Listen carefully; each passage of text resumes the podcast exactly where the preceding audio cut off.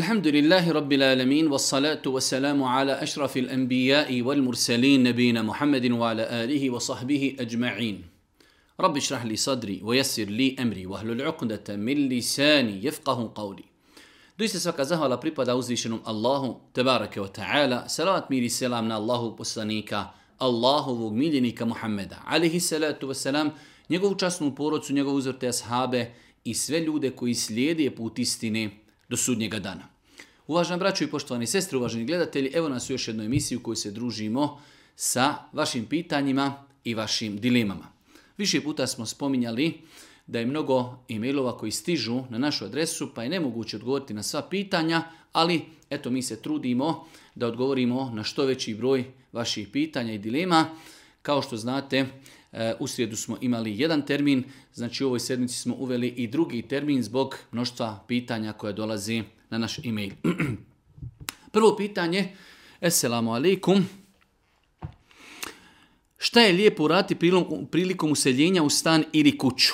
Neko pravi mevlud, neko skupi familiju akiku. Je li bitno da to bude u oči petka? Hvala lijepo. Pitanje da li postoji određena procedura koju čovjek treba da ispoštuje prilikom useljenja u novu kuću.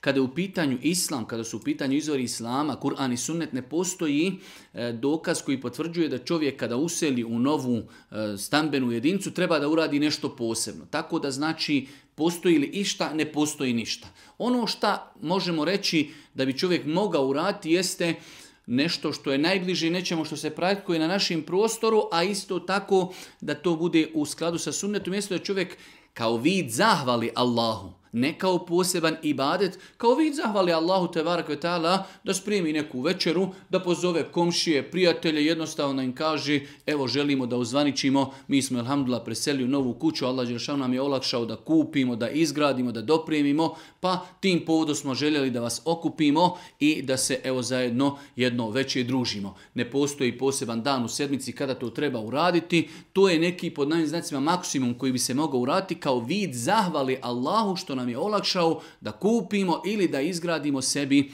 e, znači stan ili kuću. Ne postoji znači nikakva posebna procedura. Često puta se dešava da u toku razgovora neko kaže ružno na Allaha ili da čujem da, da se psuje e, ili da se psuje e, od nemuslimana i bilo šta u vezi vjeri. U datom trenutku blokiram, napustim prostoriju onda mi bude krivo što to nisam spriječio. Jesam li griješan što sam to učinio? U svakom slučaju, e, kada je u pitanju reagiranje na nešto što se desi u našem okruženju, što je neispravno, uvijek imamo ona tri, pod navodnim znacima, e, odnosno tri, stepena reagiranja. Allah poslanik ali se letu selam je pojasnio pa kaže ko od vas vidi zlo, neka reagira rukom. Ako ne može rukom, neka reagira jezikom. Ako ne može jezikom, onda neka to prezirje srcem, a to je najslabiji vid imana. Tako da insan, znači, Allah najbolje zna ono što je njemu obaveza i vađib jeste za ono što će biti odgovoran u svojoj kući ili ako određenu funkciju obnaša, tu može reagirati i rukom, nakon toga na ulici ili u, u nekim različitim drugim situacijama čovjek ako vidi da je adekvatno može reagirati jezikom, ako vidi da ne može reagirati, da napusti to mjesto, a minimalno što ostaje jeste da to prezire, da to prezire srcem. Da li osoba, žena koja je džunu prilikom kupanja, prvo operi tijelo, a zatim nakon nekog vremena i kosu, recimo za par sati nakon pranja tijela, može se to smatrati gusulom e, kako bi nakon toga klanjala i postila. Allah najbolje zna, ovo je neispravan postupak. Znači, naša jedna sestra pita da li može da u datom momentu, nakon što je osoba znači, postala džunup, da operi tijelo, a nakon nekoliko sati da opere glavu kao da upotpuni taj svoj gusul, Allah najbolje zna, to je neispravno. Tako da kada radimo gusul, to treba da bude e, u istom vremenskom intervalu, znači vezano, da to bude jednostavno jedno kupanje. E, da čovjek operi glavu, da operi tijelo, ali da pravi pauzu, ako bi čovjek imao možda neku potrebicu e, pola minute, počeo je prati e, kosu, pa ima potrebu da iziđe nekom odključati vrata ili telefon, nešto pa da se vrati, da se nastavi tuširati, da. Ali praviti pauzu između pranja tijela i glavi nekoliko sati, to je apsolutno neispravno. Eselamu alaikum, ako primijetim sluz na polnom organu, kako onda da postupim? Da li je obaveza okupati se, da li moram e, spolni organ oprati ili samo obnoviti abdest? To me baš e, zabrinjava kada se desi i ne znam kako tačno da postupim.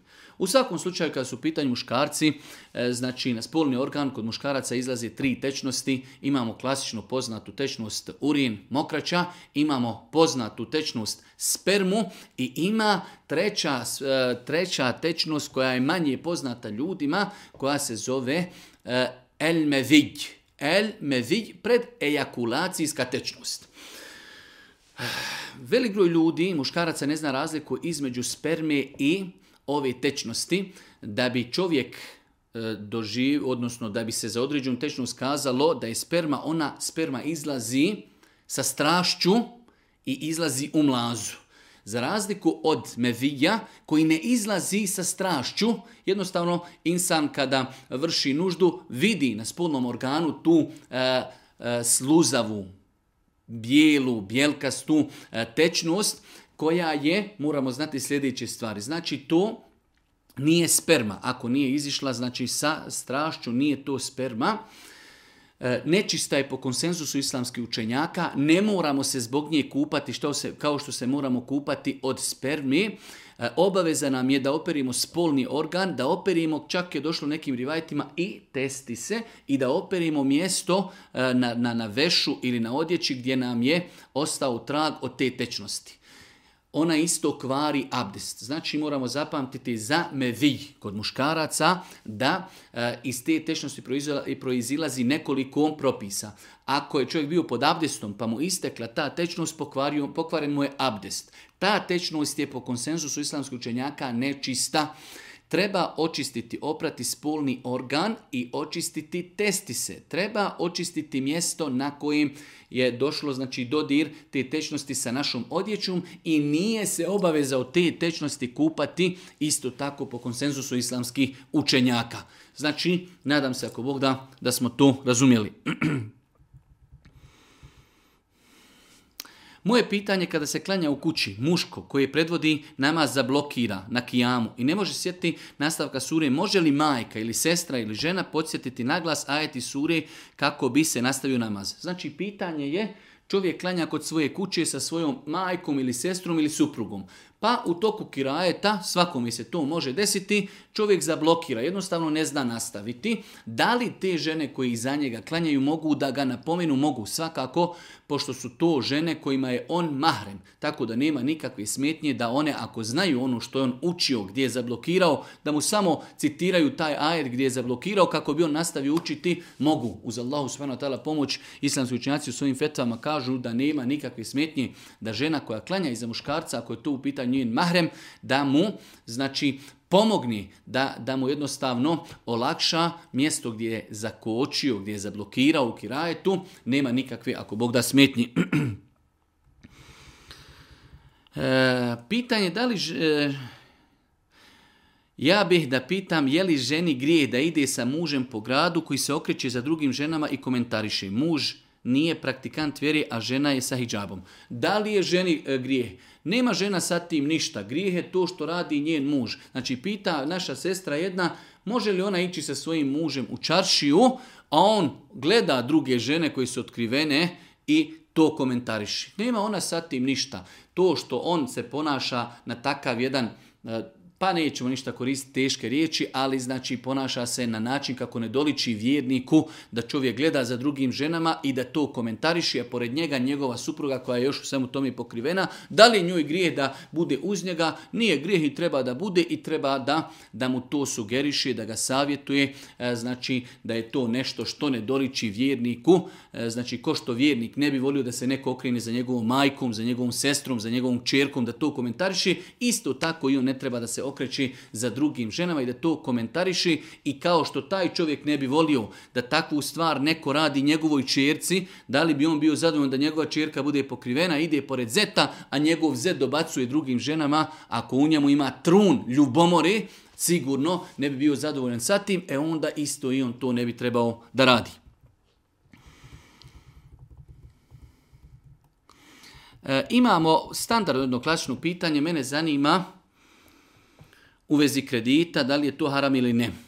Živim u Italiji tri godine, kirija je 500 eura i tako dalje. Standardno je pitanje, čovjek navodi primjer, imam ja komšiju koji je uzeo kamatni kredit, a ja plaćam kiriju. Nakon 10 godina on će imati kuću, a ja nemam ništa, imam ne znam toliko hiljada maraka koji sam bacio u kiriju. Pa pita insan šta je sad u svemu tome ispravno. E, ispravno je da insan treba da gleda na zadovoljstvo uzvišenog Allaha. Ja sam plaćao 15 godina kiriju, nemam ja kući, ali isto tako nisam na sebe navalio srđbu uzvišenog Allaha te bareke ta'ala.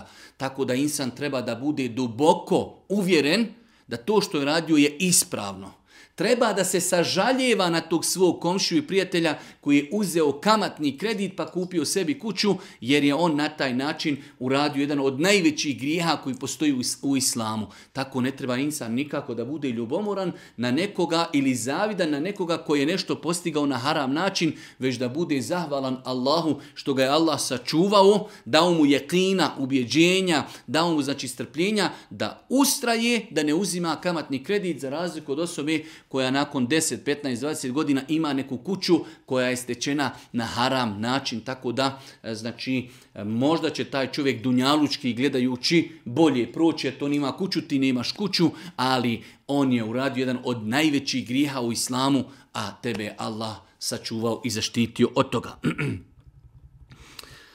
Moj otac je alkoholičar i kockar, koji je mene i sestru i majku izbacio iz kuće. Mi smo vremenom odrasle i studirali smo, sestra je u Europi u jednoj državi, ja sam opet u drugoj.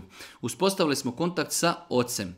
Mada nam tu nikakvih osjećaja nema, e, odgovornosti, ljubavi i tako dalje. Čitajući o islamu, insistira se na dobročinstvu roditelja, što i činimo majci. Ali sa ocem zaista, evo ja govorim svoje ime, nije jednostavno sve što mu pošaljemo popije i prokocka. Pitanje znači dobročinstva roditeljima, pod jedan i pitanje je e, dobročinstvo roditeljima na način novca da oni to poslije troši na haram način. Allah najbolji znam, ovo je jedno široko pitanje i teško, nije jednostavno pitanje, ali ono što bi mogli reći jeste definitivno, bez obzira što roditelj radi određene grijehe, nama ostaje vid dobročinstva. Nije dobročinstvo samo dati novca. Dobročinstvo je i nazvati, dobročinstvo je i posjetiti, dobročinstvo je i čestitati Bajram, dobročinstvo je poslati poklon i tako dalje. Dobročinstvo je jedan izuzetno širok pojam. Kada je u pitanju konkretno novac, znači davanje novca osobama koji će to potrošiti na haram, na haram način, možemo kazati Allah najbolje zna sljedeći. Ako insan sumnja, znači postoji mogućnost da će otac to potrošiti na haram način, njegovo je da mu dadne e, dio novca kojeg on hoće da dadne, da li će on to potrošiti ili neće, on ne treba mnogo da razbija glavu. Ali ako sigurno zna znači sigurno zna da će taj novac biti potrošen na haram način, onda insan treba da pokuša naći drugu metodu. Pa primjer radi da nekom je dadni novac od kojeg će on njegovom ocu kupiti njegove potrebštine za kuću od hrane, od higijenskih sredstava i tako da platiti mu račune i tako dalje. Ili će eventualno dati u prodavnici taj novac i kazati moj otac ima pravo da u vrijednosti od 200 maraka dolazi tu i da kod vas uzima prehrambene artikle, ne može uzeti duhan i ne može uzeti alkohol. Tako da INSA na taj način pokuša objediniti dobročinstvo prema roditeljima, a isto tako da njegov novac ne ide na haram, e, znači da se ne troši na haram način. Možemo rezimirati ako imamo roditelje, znači želimo da ih pomognemo, ako nismo sigurni gdje će i oni trošiti, ne trebamo se time mnogo zamarati, naše je da ih pomognemo i znači, eh, a njihova je odgovornost kako će to trošiti. Ali ako smo sigurni, ubijeđeni, znamo sigurno da će to potrošiti u kladioncama ili u alkoholu ili u duhanu, tada znači nećemo njima direktno davati taj novac, ali da bi ostala ta veza dobročinstva, onda možemo nekoga zadužiti da plati za njih račune ili otići unaprijed platiti, ne znam, nija struju, kažemo 200 maraka unaprijed plaćamo struju, 200 maraka unaprijed plaćamo za vodu i tako dalje, ili ćemo nekoga zadužiti ko će im mjesečno donijeti pra, paket prehrambenih artikala koji su svakako halal i dopušteni. Nadam se inša da smo to razumjeli. Ha, jedno duže, duže pitanje. Prije nekoliko dana slučajno sam ušla u jedan kanal na Telegramu i subhanallah mogla sam se naglate svačega. Snimci koje sam vidjela ne izlazi mi iz glavi.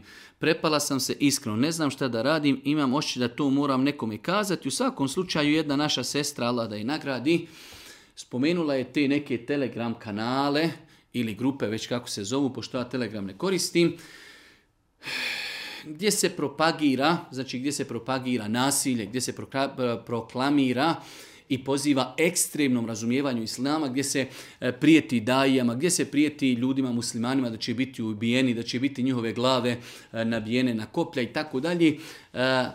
Šta u takvim situacijama raditi? Ono što čovjek može jeste to je taj neki maksimum da takve kanale prijavi i to je znači svakako E, nije daleko se kaže da je haram posjećivati takvi kanale e, zbog nejasnoća, šubhi, e, zbog neispravnog tumačenja islama, da insa ne smije posjećivati takvi kanale, ali ako već se desi da je ušao, vidi da je to neispravno, da se tu prozivaju ljudi koji su od povjerenja, učeni ljudi, bogobojazni ljudi, da se prijeti ljudima smrću i tako dalje, takve kanale treba prijaviti, to je, hajde kažemo, nešto što čovjek može da uradi. Šta učiniti ako izgubim abdest u namazu? Čovjek ako izgubi, namaz, e, ako izgubi abdest u namazu, može biti u dvije situacije. Može biti da klanja pojedinačno, može biti da klanja u džematu.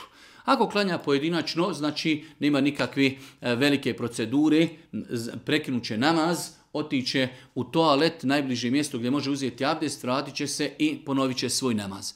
Ako je u džematu, ako je u džematu, znači sa ljudima, onda nije loše, jer je to došlo u nekim predajama, da se znači uzme kao za nos, kao da mu teče krv i da napusti saf, da ode da promijeni abdest i da se vrati, ako stigne džemat, da se priključi džematu, ako ne stigne, da klanja sam.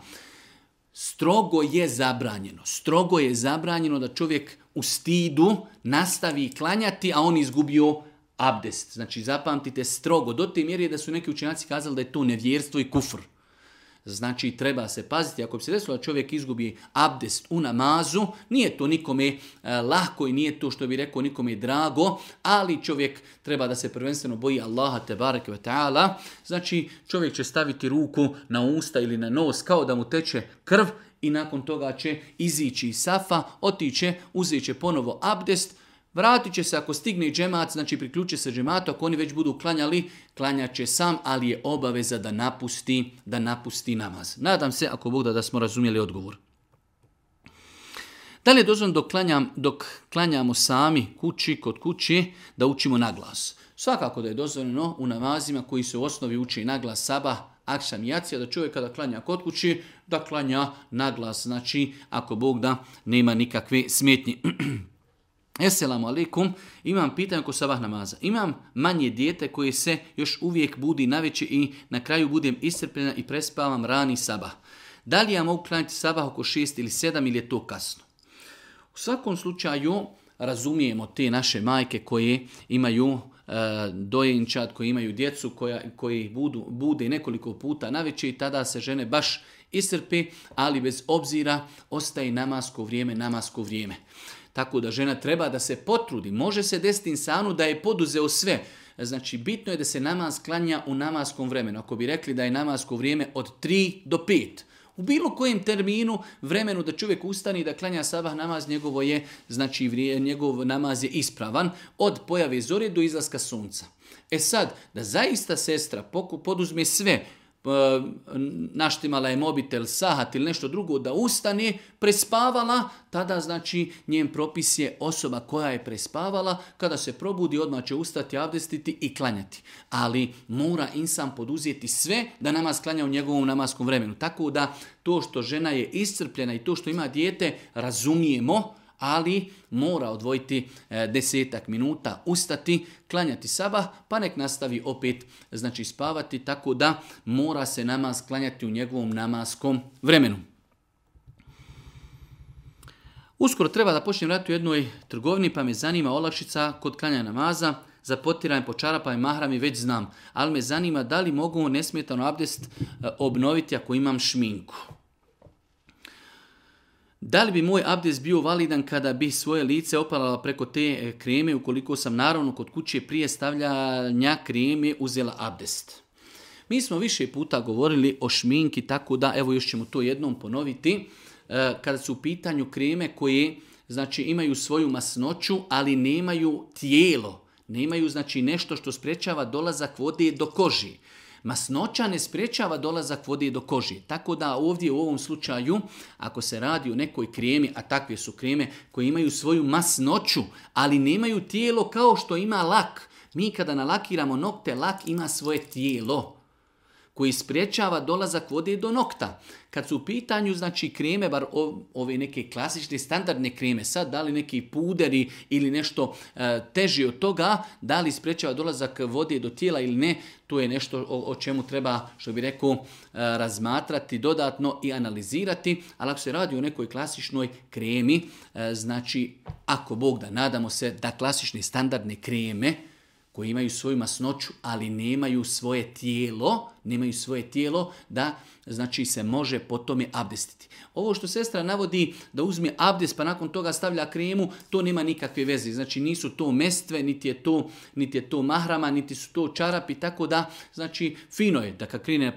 na ima abdest, ako će već stavljati neku kremu, da li će stavljati ili neće, to je opet njeno pitanje, ali nadamo se ako je to neka standardna, klasična krema koja ima svoju masnoću, ali nema tijelo, nema tijelo, kada se znači nanese, kada mi se budemo poslije umivali, voda dolazi do naše koži, ako Bog da, takav abdest je ispravan. Moje pitanje je učenju zika nakon klanjanja na file duha namaza. U jednoj knjizi zbirka dova i zikru našao sam zikr sto puta Allahumma gfir li wa tub neke inneke ente tawabur rahim. Allahumma gfir li wa tub alejje inneke ente tawabur rahim. Jedno lijepo, interesantno pitanje, moram priznati da sam se i ja konkretno okoristio tražeći odgovor na ovo pitanje.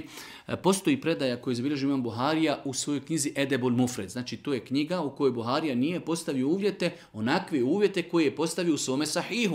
Jer Imam Buharija ima više svojih knjiga. U knjizi Edebul Mufred Imam Buharija citira nekada i daiv predaje, a dosta predaja su sahih. Stoji da je Iša radijallahu ta'ala kazala, Allah poslanik jednog dana je klanjao duha namaz, zatim je rekao Allahumma gfir li, wa tub alija inne kente tawabur rahim, i kaže ja sam brojala za njim, rekao je taj zikr stotinu puta. Ovu predaju Ših Albani ocijenio vjerodostojnu sahih, a bilo učenjaka koji su za nju kazali da je daif. Tako da znači imamo predaju koji stoji da je Boži poslanik jedne prilike klanjao duha namaz, i da je nakon to duha namaza kazao ovaj zikr Allahumma gfir li wa tub alejje inneke ente rahim rekao ga je stotinu puta e sad ostaje ispravno razumijevanje ove predaje Vidimo da je ovo Aisha rekla da je tu radio jednom samo Boži poslanik. Nije rekla kane rasulullahi idha salla duha. Nije rekla Boži poslanik kada bi klanjao duha namaz tako bi radio. Već se samo prenosi da je tu radio Boži poslanik jednom.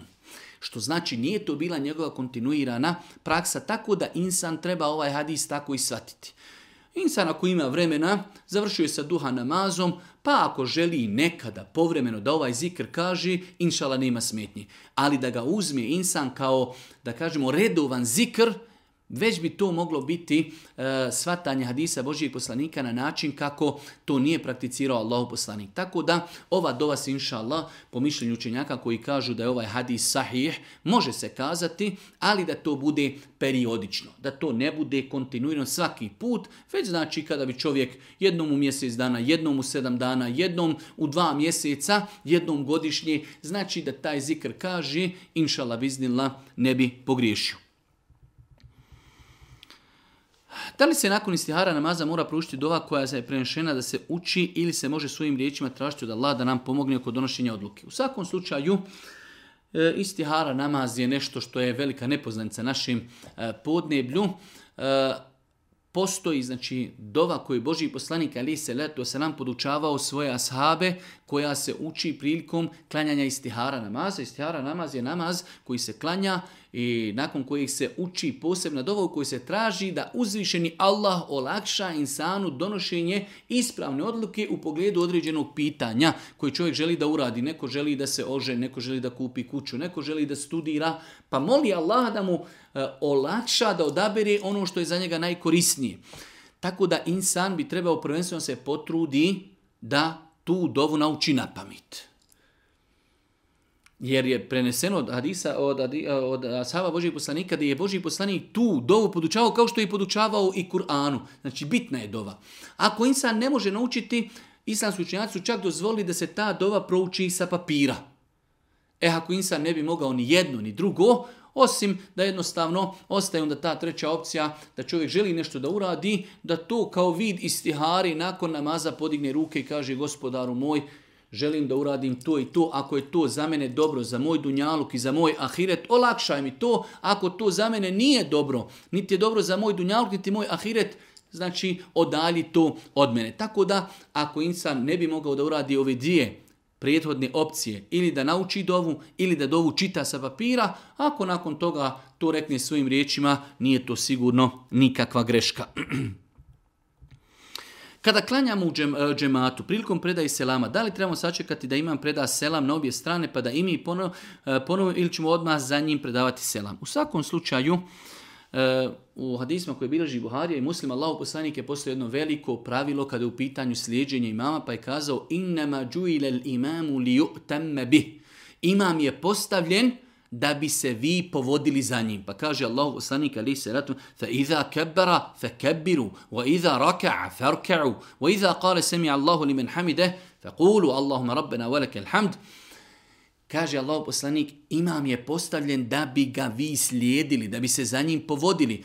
Pa kada on donese tekbir fe nakon toga vi turate. Kada on odi na ruku, nakon toga vi turate. Kada on ode na sežnu, nakon toga vi to za njim urate. Tako da je to jedno pravilo, da zato se zove slijedženje imama.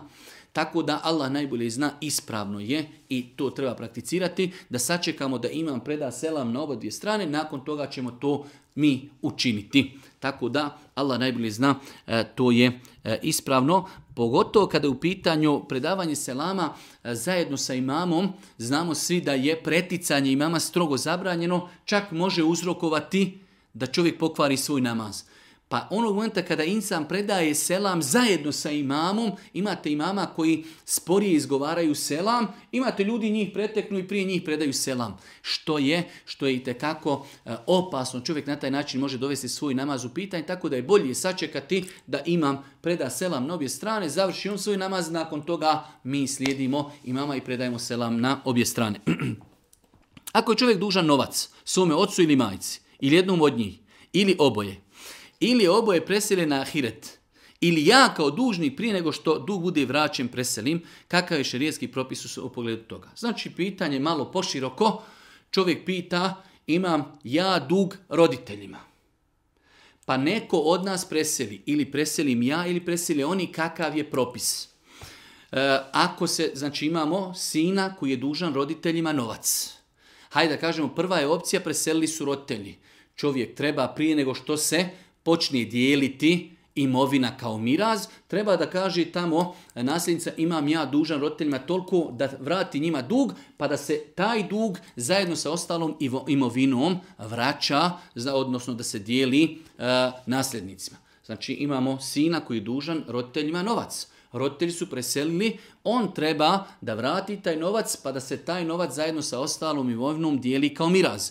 Imamo situaciju da je sin dužan roditeljima, pa sin umro, pa sin umro, znači roditelji su živi, šta? Iz njegove imovine, pošto je došlo tako u Kur'anu, e, min badi wasijati nju sabiha eudin, Neće se, znači, njegovo nasljedstvo dijeliti dok se iz njegove imovine ne izdvoje njegovi dugovi njegovim roditeljima.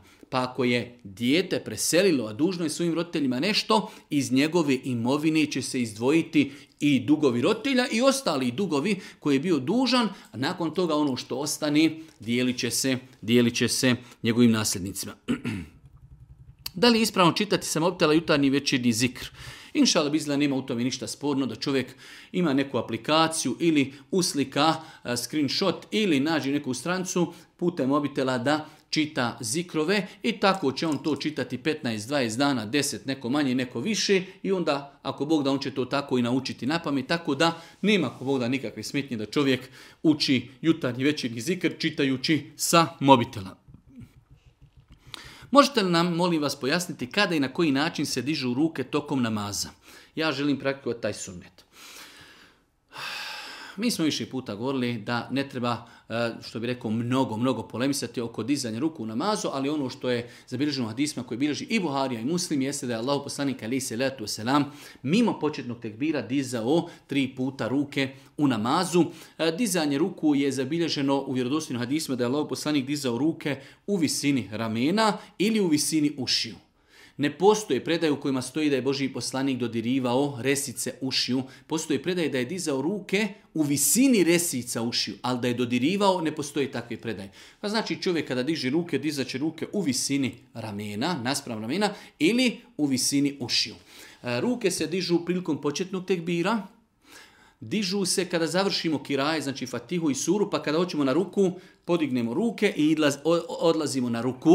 Kada se vratimo sa rukua, opet dižemo ruke, odlazimo znači na seđdu, kada se vratimo, znači tada se ruke ponovo ne dižu. Dižu se četvrti put kada sjedimo na etehijatu. Nakon dva rekiata, sjedili smo na etehijatu, ustajemo na treći rekiat, ponovo se ruke dižu. To su znači četiri mjesta gdje se dižu ruke u namazu prilikom početnog tekbira, prilikom odlaska na ruku, prilikom povratka sa rukua i prilikom ustajanja sa sjedinja. To su znači akšam, e, podne i kindija, svakako jacija, znači kada sjedimo na, drugom, na prvom sjedinju, pa ustajemo na treći reka, kada ustanemo, tada ćemo opet podignuti svoje ruke. To su četiri mjesta gdje se u namazu dižu ruke, rekli smo da se dižu u visini ramena ili u visini ušiju. E, sve je to ako Bog da ispravno.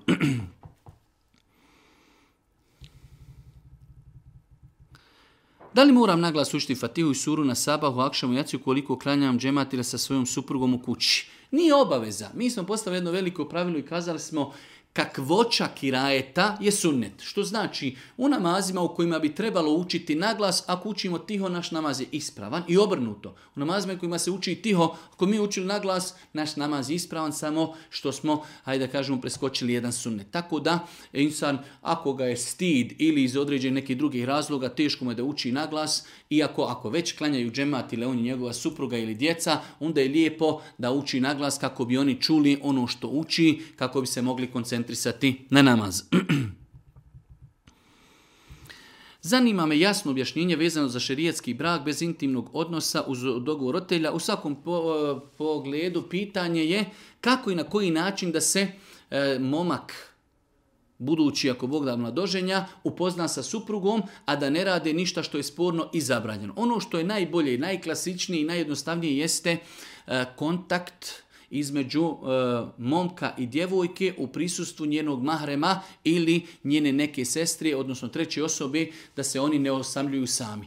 Znači ono što je zabranjeno prije, znači vjenčanja, pa makar imali saglasnost roditelja, ne smiju se mladenci budući osamljivati, a da ne govorimo da se ne smiju dodirivati, ljubiti, a da ne govorimo o intimnom kontaktu. Nažalost, nekada ljudi pitaju čovjeka jesi li ti saglasan se tvoja čirka uda za mene, kaže jesam. I on na osnovu toga prije vjenčanja smatra da je to završeno i onda se osamljuje sa djevojkom, dodidruje, pa nekada čak imaju intimni kontakt.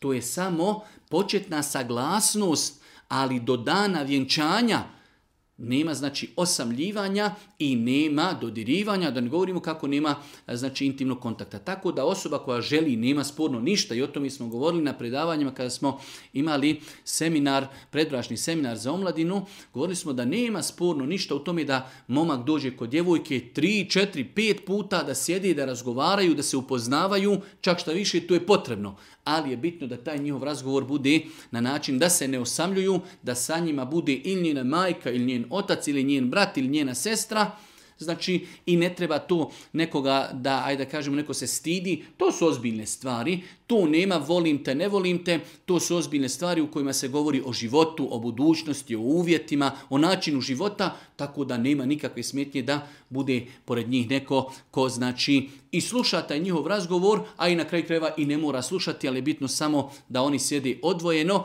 i da se ne osamljuju. E, volio bih kada biste snimili video o u kojem pokazujete kako se uzima tejemom praktično, jer vjerujem da bi se mnogi okoristili. Tejemom je više nego jednostavan, jer je to olakšica koju uzvišnji Allah s.w.t. propisao e, osobama koje ili nemaju vode, ili im voda šteti. Pa je uzvišnji Allah s.w.t. počastio ovaj umet da kada se nađu u situaciji da nemaju vode, ili imaju malo vode, ali ta im voda potrebna za piće, ili im voda šteti. To su te dvije situacije kada čovjek može uzeti tejemom, znači ili nemamo vode, ili imamo malo, ali nam ta voda treba za piće, ili nam voda šteti. Bolesni smo, tada čovjek će, znači, ko što je došlo u Kur'anu, sa'idan tajiben, znači, zemljenu površinu, zemlja, kamen, cigla, nešto što je napravljeno od zemlje, crijep, Znači čovjek će klasično, evo rećemo da su moja noga, noge zemlja. Udarit će znači jednim udarcem rukama od zemlju ili od kamen ili od crijep ili od ciglu, podići ruke, puriti u njih, tako je došlo nekim hadisma, otresti ih, potrati svoje lice kao da se umiva, cijelo lice će potrati, to je jedna stvar, i potraće, znači e, ovo je desna ruka, ovo je lijeva, lijevom rukom će potrati desnu, a desnom će potrati lijevu i tejemum je završen. Znači, temu uzimamo u dvije situacije kada nemamo vode ili imamo malo, ali nam je potrebno za piće, ili nam voda šteti, tako ćemo doći zemlja, kamen, cigla, cvijep. udarit ćemo jedan udarac. Iako ima učenjaka koji su kažali da su to dva udarca, ali vjerodostojni hadisi Buhari i Muslim potvrđuju da je temom jedan udarac.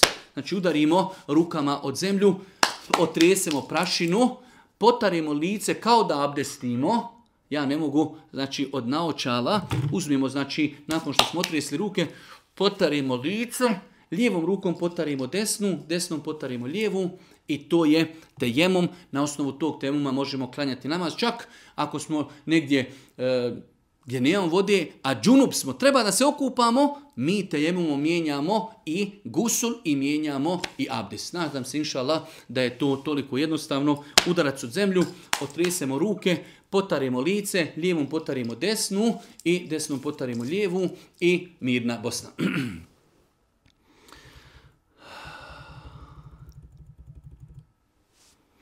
Imam jako veliku volju i želju da počnem da klanjam od srca dok budem živ, inšala. Pitanje za vas da mi pomognete početak da počnem da klanjam, iskreno nikada klanjao nisam i tako dalje. Nosim samo muslimansko ime i prezime.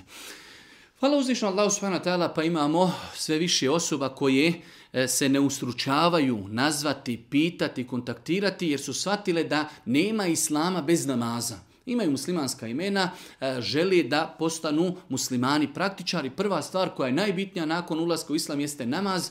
Tako da ovo je za svake pohvale. Hvala uzvišom Allahu.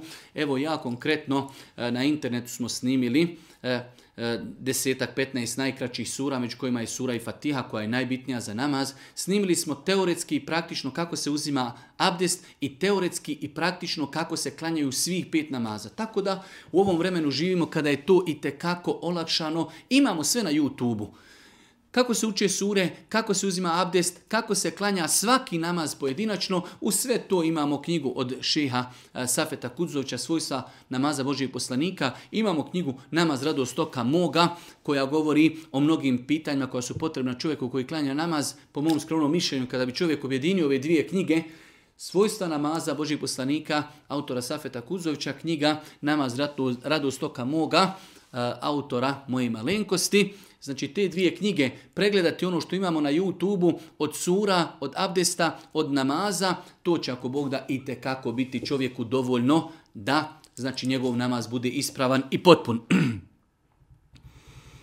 Da li je ispravna priča koja se veže za poslanika i onaj kamen koji lebdi u zraku u kucu? Kažu da je onaj kamen krenuo za poslanikom kada je htio da sjedni na svoju životinju prilikom odlaska na mirađ.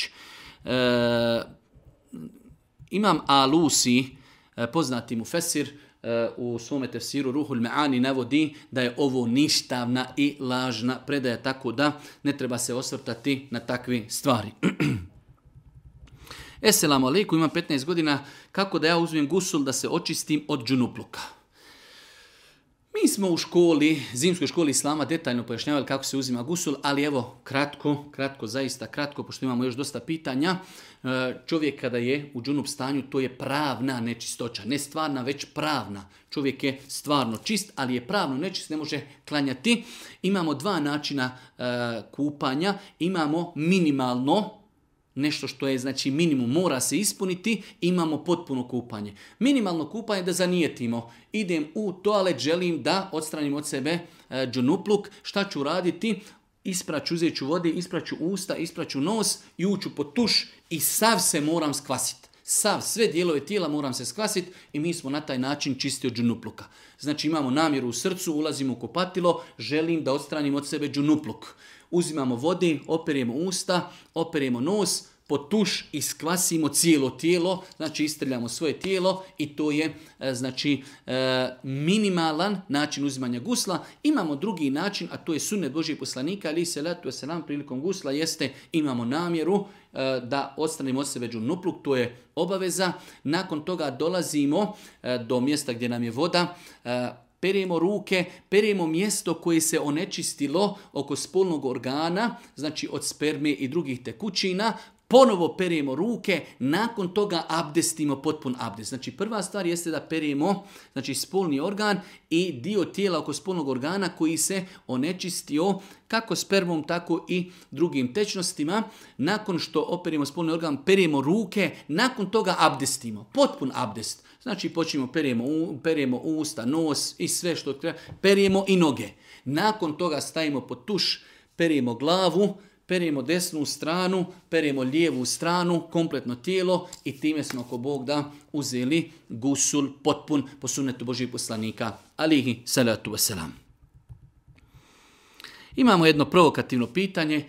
Šta bi Ashabi radili sa Buharijom kada bi se pojavio među njima i počeo pričati kako on tačno zna koji od 600.000 hadisa je sahih? Koju dijagnozu bi oni njemu dali da li bi ga Omer uopšte ostavio u životu? Po čemu se to oholi i prepotentni imam Buharija ugleda na Muhammeda alaihi salatu wasalam. Ovo je provokativin e-mail kojih sam ja ciljano ovdje pročitao, na kraju kaže molim uzvišnog Allaha da vas, to jest mene, na ovom svijetu sastavi sa Buha, na onom svijetu sastavi sa Buharijom i da vas nikad ne odvoji njega, pa gdje Buharija tu i vi recite amin i ja sam odgovorio sa velikim slovima amin da budem sa Buharijom. Allah Đelšanu molimo da nas učini znači nekoga ko ide putem kojim je išao imam Buharija, to je najveći imam hadisa u ummetu Muhammeda, alihi salatu wasalam. Ovo su bolesni umovi, znači bolesni umovi kojima smeta imam Buharija i oni koji su sačuvali sunnet Božijeg poslanika, alihi salatu wasalam, ovom umetu od iskrivljenih hadisa i mnogo drugih stvari, tako da samo da vidite kako ima bolesni umova kojima smeta Emirul mu'minine fil hadith. Imama Buhariju su zvali vođa pravovjernih u hadijskoj struci. Ali pošto ljudi nikada u životu nisu otvorili nikakvu knjigu o, o, o imamu Buhariji i njegove knjige e, iz hadisa, onda daju sebi za pravo da ovako govori o jednom najvećem muhadisu u ummetu Muhammeda alihi salatu Šeh trena borilački, se, borlački sport i često razmjenjujemo udarce i imam meč za toliko dana. Zanima me mišljenje o tome da li je grijeh trenirati ovakvi sportovi. Generalno gledajući, islam podstiče da čovjek se bavi sportom, zdravo tijelo, zdrava izrana i tako dalje. To je generalno ali ostaje da sportovi u kojima imaju jaki udarci, udarci u lice, e, opasni potezi, da je to zabranjeno iz tog aspekta zbog štetnosti, zbog znači toga što se na taj način šteti čovjekovom tijelu tako da sportovi u kojima nema udaraca, sportovi u kojima nema pogotovo udaraca u lice, nadamo se ako Bog da su dozvoljeni tipa košarka, odbojka, e, futbal, hrvanje, karate i tako dalje, ali e, sportovi kao što je boks, kao što je, e, ne znam, nija nešto slično boksu, imamo sad i različitih e, vrsta boksa, znači gdje se jednostavno udara i tuče u sve dijelove tijela, u glavu, ti sportovi su definitivno zabranjeni. Vezano za nadolazeći kurban Bajram, ako Bog da, u svakom kraju, na kraju pitanja se kaže moje pitanje da li je dozvoljeno da se plati kurban kao što imaju neke organizacije koji sakupljaju pare i šalju kurbansko meso u e, siromašne zemlje poput Sirije. E, mi smo više puta govorili o tome e, Insan koji može da zakolji kurban svojom rukom, to je nešto najljepše, ali ako živi negdje u Europi, živi u velikim gradovima gdje nema znači mogućnost da zakolje kurban, e, ima pravo šerijatsko da po organizacijama koji su provjerene ili po pojedincima koji su provjereni da svoj kurban uplati za Siriju, za Afriku, za Jemen ili ne znam nija, ali je bitno, poenta je sva, da to budu povjerljive osobe koji će to uraditi mjesto nas. Jer jednostavno to je ibadet, kada neko mijenja nas u ibadetu, onda tu mora da pazimo na povjerenje. Ne onako, naš na internetu neko sakuplja za, ne znam, nija za Ne, ne, moramo provjeriti, moramo znati o kome se radi, da su to organizacije provjerene i da imaju šerijetski nadzor, da se zna da se to sve radi ispravno šerijetski. U tom slučaju, ako Bog da, takav postupak je ispravan. Da li je dozvoljeno klanjati namaz u džamija ako je džamija napravljena od para pomoću kredita kamatnog? Nema smetnje. Insan nije znači uticao, ne može uticati na to, neko je napravio e, džamiju od kredita koji je od kamate. Mi to smatramo zabranjenim, ali džamija kod džamija mi klanjamo na podu koji je čist tepisi, na kojima klanjamo su čisti, tako da nema smetnje nikakve da čovjek klanja, ono ako čovjek može negdje u džematu e, da, da da svoje miš, da kaže ljudi nećemo uzimati kredit, nećemo, ne treba, zabranjeno, haram, to je ono što on može. Ali ako neko već uzme kredit kamatni, napravi džamiju, kupi džamiju, u toj džamiji je dozvoljeno klanjati. E, još jedno pitanje. Kada odem na ruku, gdje treba da gledam? Čovjek kada je na ruku, znači to je ona situacija kad čovjek uči pa ode na ruku, gledat će u mjesto, gledat će u mjesto seđdi.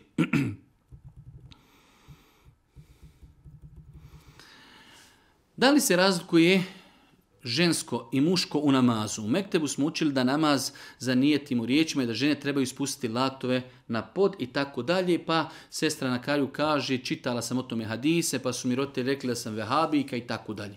U svakom slučaju, braću moja draga, to su ta neka fikska razilaženja i fikska pitanja. Ne treba oko toga mnogo zatezati, ali treba kazati e, stav. Znači što se tiče nijeta ne postoji. Nije to nije radio ni Boži poslanik, ali i tu wasalam, niti su to radili njegovi asabi, tako da je to apsolutno novotarija. Znači učiti nijet, naglas je novotarija. Dolazimo do momenta da li postoji razlika između muškarca i žene u namazu.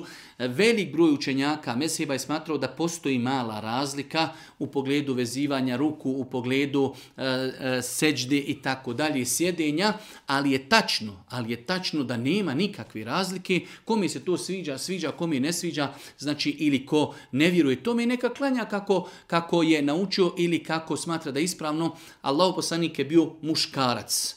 Rekao je klanjajte kao što ste vidjeli da ja klanjam. obraćice i muškarcima i ženama. Nikada poslanik nije rekao, e, ovo ću vam sada pokazati kako klanjaju muškarci, a ovo ću vam pokazati kako klanjaju žene. Već je rekao i muškarcima i ženama klanjajte kako ste vidjeli mene da klanjam, tako da ono što je zabilježeno od Božije poslanika odnosi se na muškarce i na žene, zabranjeno i muškarcima i ženama da podlaktice spuštaju na zemlju prilikom seždi, jer je jasno Allah poslanik ali se letu sramu hadisme Buhari i muslima zabranio da se podlaktice spuštaju na zemlju jer se na taj način oponašaju divlje životinje i psi. Tako da čovjek kada klanja muškarac i žena ne postoji razlika, žena će činiti seždu onako kako je čini muškarac, podignut će ruke znači, od zemlje, podignut će podaktice u zemlje i sjedit će na etahijatu kao što sjedi i muškarci.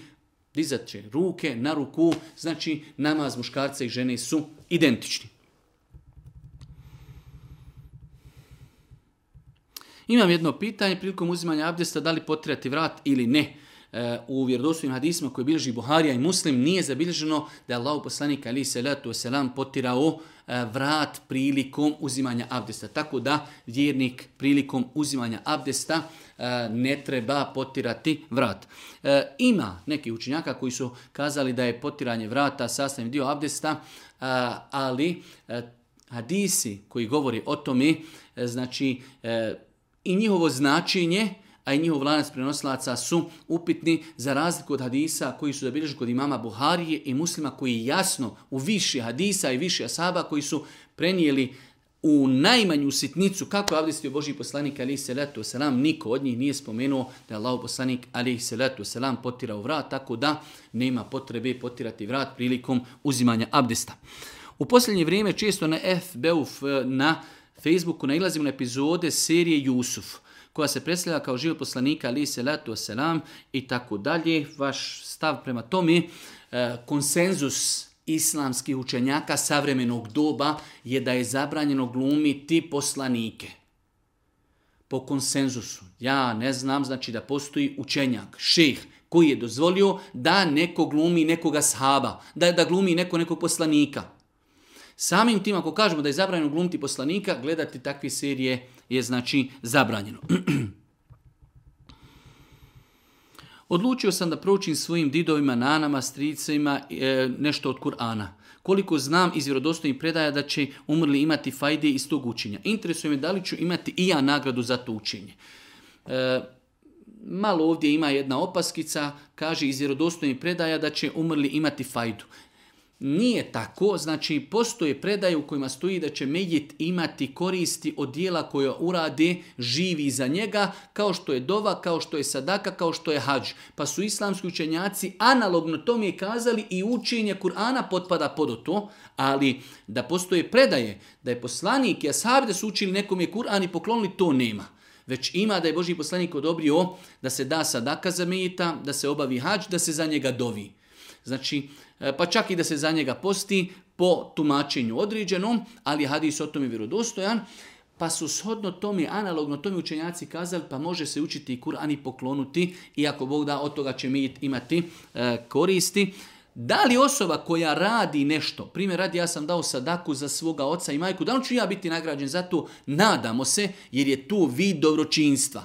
Ako ja dam na ime svoga oca i majke hiljadu maraka sadaki, da li ću ja biti nagrađen? Svakako da ću biti nagrađen jer radim dobročinstvo svojim roditeljima nakon njihove smrti. Nisam na njih zaboravio, tako da insan kada uradi nešto za svoje mrtve, mi se nadamo da će biti nagrađen zbog dobročinstva koje čini svojim umrlima. Radim u bolnici i klanjam svaki namaz farz, samo na poslu. Zbog vremena ne mogu baš puno vremena odvojiti, pa bi pitala da li je moguće sunnete klanjati samo sa fatihom, da i sunnete klanjam. Moj savjet je da insan koji na poslu klanja, ako je već, hajde da kažemo, u tjeskobi s vremenom, neklagano otklanja farze, preda selam i nek se vrati svome poslu. E, sunnete ćemo ako Bog da klanjati, klanjat ćemo kod kući. Osim zaista da čovjek ima toliko vremena da ima pauzu pola sata, tada će lagano klanjati i farze i sunnete. E, svakako ako bi se klanjali sunneti samo sa fatihom, namaz je ispravan. Namaz, znači odgovor, namaz, kada bi se samo učila fatiha, namaz je ispravan, ali moj savjet, bolje da onda klanjamo lagano, farze, ne žureći, predamo selam, vraćamo se na svoj posao, sunete ćemo klanjati kod kući, osim u slučajima kada ljudi doista imaju pauzu od 15-20 minuta, kada mogu klanjati i farze i sunete.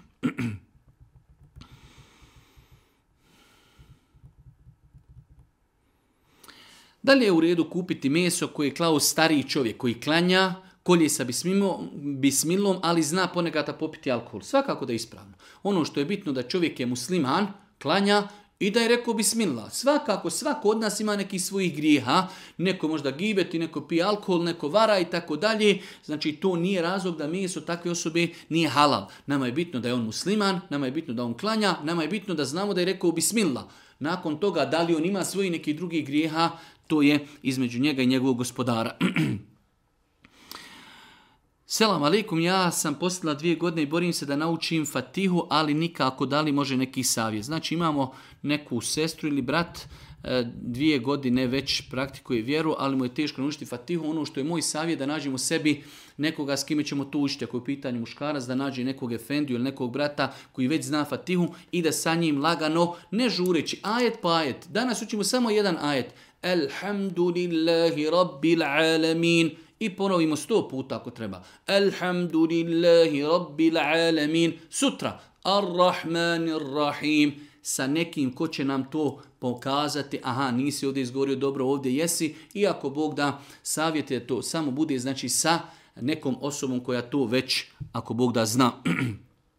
Selam alaikum šeh, muči mi pitanje i dilema kada će se neko potruti da ode u bogate arapske zemlje i pokuša uspostaviti veze sa muslimanima iz BiH i njih dole, a glede islamskog bankarstva, zaduživanja i tako dalje. Čovjek kaže, ja sam postao na devet godina, ako ovako nastavi situacija, neću kuću nikada u životu imati ni kupiti. E, kada će to neko uraditi, naš je sav život tako kada će neko nešto uraditi. Nećemo mi neć treba neko drugi da to uradi. Naš problem je generalno što uvijek mi očekujemo, svi mi očekujemo da neko nešto drugo uradi. To je jedna stvar. Druga stvar, e, u arapskom svijetu je izuzetno malo banaka koje daju beskamatni kredit, velika, velik broj banaka dole posluje na neispravan način u cijelom arapskom svijetu, znači kamatni sistem je skoro pa normalna stvar, tako da nema potrebe da neko ide dole da bi ozdol nešto donio kad je i dole neispravno, ko što je neispravno i kod nas. E, već mi treba da se potrudimo, da mi otvorimo, da mi osnujemo, da mi imamo, da imamo svoju banku koja će investirati zajedno sa ljudima i davati ljudima beskamatni kredite. Ako sam u mjesecu Ramazanu putnik i počnem dan sa postom, odnosno zapostim temeljnognim da izdržim cijeli dan pa se omrsim, da li sam dužan da napostim dan za dan ili 60 dana? Čovjek mu safir zapostio. Rekli smo u osnovi Musafiru nije obaveza da posti. Ona koji je zapostio pa postao Musafir ima pravo da prekine post zato što je Musafir. Tako da u ovom slučaju, a i u drugim slučajevima rekli smo jedino se posti 60 dana za jedan dan koji se prekine intimnim kontaktom u Ramazanu. Sve imamo toga dan za dan. Čovjek je bio musafir, nije mogao postiti, prekinuo post. Šta će? Nakon Ramazana će napostiti dan za dan. I ako Bog da, Mirna Bosna. I zadnje pitanje, kakav je stav Leme i šerijeta po pitanju dizanja nišana na mezaru? U smislu ograđivanja nekim mermirnim dodacima, donošenja cvijeća, prisustovan žena dženazi. Ovdje je čovjek postavio pitanje kakav je propis dizanja nišana, ali nakon toga kaže u smislu ograđivanja nekim mermernim dodacima i donošenje cvijeća i tako dalje i prisustva ženi, žene dženazi. Prva stvar, mi smo o tome detaljno u Ramazanu govorili, e, Boži poslanik je e, ashabu koji se zvao Othman ibn Maz'un, donio veliki kamen s jednim ashabom i stavio ondje gdje mu je bila glava da bi obilježio njegov kabur. Tako da se postavi jedan nišan, znači E, bez ikakvih mermira, bez ikakvih izrađivanja neki velikih, e, da bi se obilježio kabur, inšala to nije sporno. E sada, e, dodatno građenje, dodatno postavljanje mermira, ograda, izljevanja betona, sve je to zabranjeno i zatim nema potrebe, Znači, rekli smo, postaviti jedan nišan da bi se e, označio kabur je ispravno, sve mimo toga bilo kako uređivanje e, ograde, saljevanje betona, mermera, sve je bespotrebno i sve je zabranjeno. Ostaje pitanje da li je ženama dozvoljeno da prate dženazu. Imamo dva pitanja, imamo klanjati dženazu i pratiti dženazu. Jer, znači, različito je da imamo negdje džamiju ili neku otvoreno mjesto gdje se klanja dženaza, nakon toga ljudi uzimaju mejita i nose ga u mezarluke da ga ukopaju. Pa žene mogu klanjati dženazu. Inšala bizna, nema nikakve smetnji. Ostaje taj moment praćenja dženazi. Došlo je u hadisu Buhari i muslima od Umu Atije da je rekla Nuhina, Zabranjeno nam je bilo da pratimo dženazu, ali ta zabran, kaže, nije bila žestoka. Tako da, bilo učenjaka koji su smatrali da žena, ako zna da neće praviti nikakve šerijaske prekršaje, u smislu da neće naricati, da neće vrištati, krištati i tako dalje, da žena može pratiti dženazu, ali ovaj hadis kojeg bilaži i Buharija i Muslim od Umu Atije, da je rekla nuhina, zabranjeno je nama, ženama bilo, za vrijeme Božijeg poslanika da pratimo dženazu, zbog toga što je žena emotivna, žena jednostavno teže joj pada kada vidi da mejite spuštaju u zemlju, da ga zakopavaju, može doći do padanja u nesvijest, može doći do vrišta, do naricanja. Zbog toga žene ne trebaju, ne trebaju slijediti dženazu do mjesta ukopa. Mogu samo klanjati dženazu ako se dženaza klanja odvojeno od ukopa. Nakon toga, nakon toga, nakon što se za, za, zakopa midjit, nakon toga žena po ispravnom mišljenju, iako postoji jako raziloženje, može obići kabur tog nekoga koji je ukopan, ali znači praćenje sami dženazi praćenje samih dženazije žene trebaju ostavljati i izbjegavati. Allah subhanahu wa ta'ala molim da nas poduči i koristim za nju, molim ga subhanahu wa ta'ala da nam bude milosti na sudnjem danu. Molim ga subhanahu wa ta'ala da popravi stanje muslimana ma gdje bili na kraju Subhanake Allahumma da bihamdike šhedu in la ilaha ilan stakfiruke wa etubu ilik. Oh, oh, oh.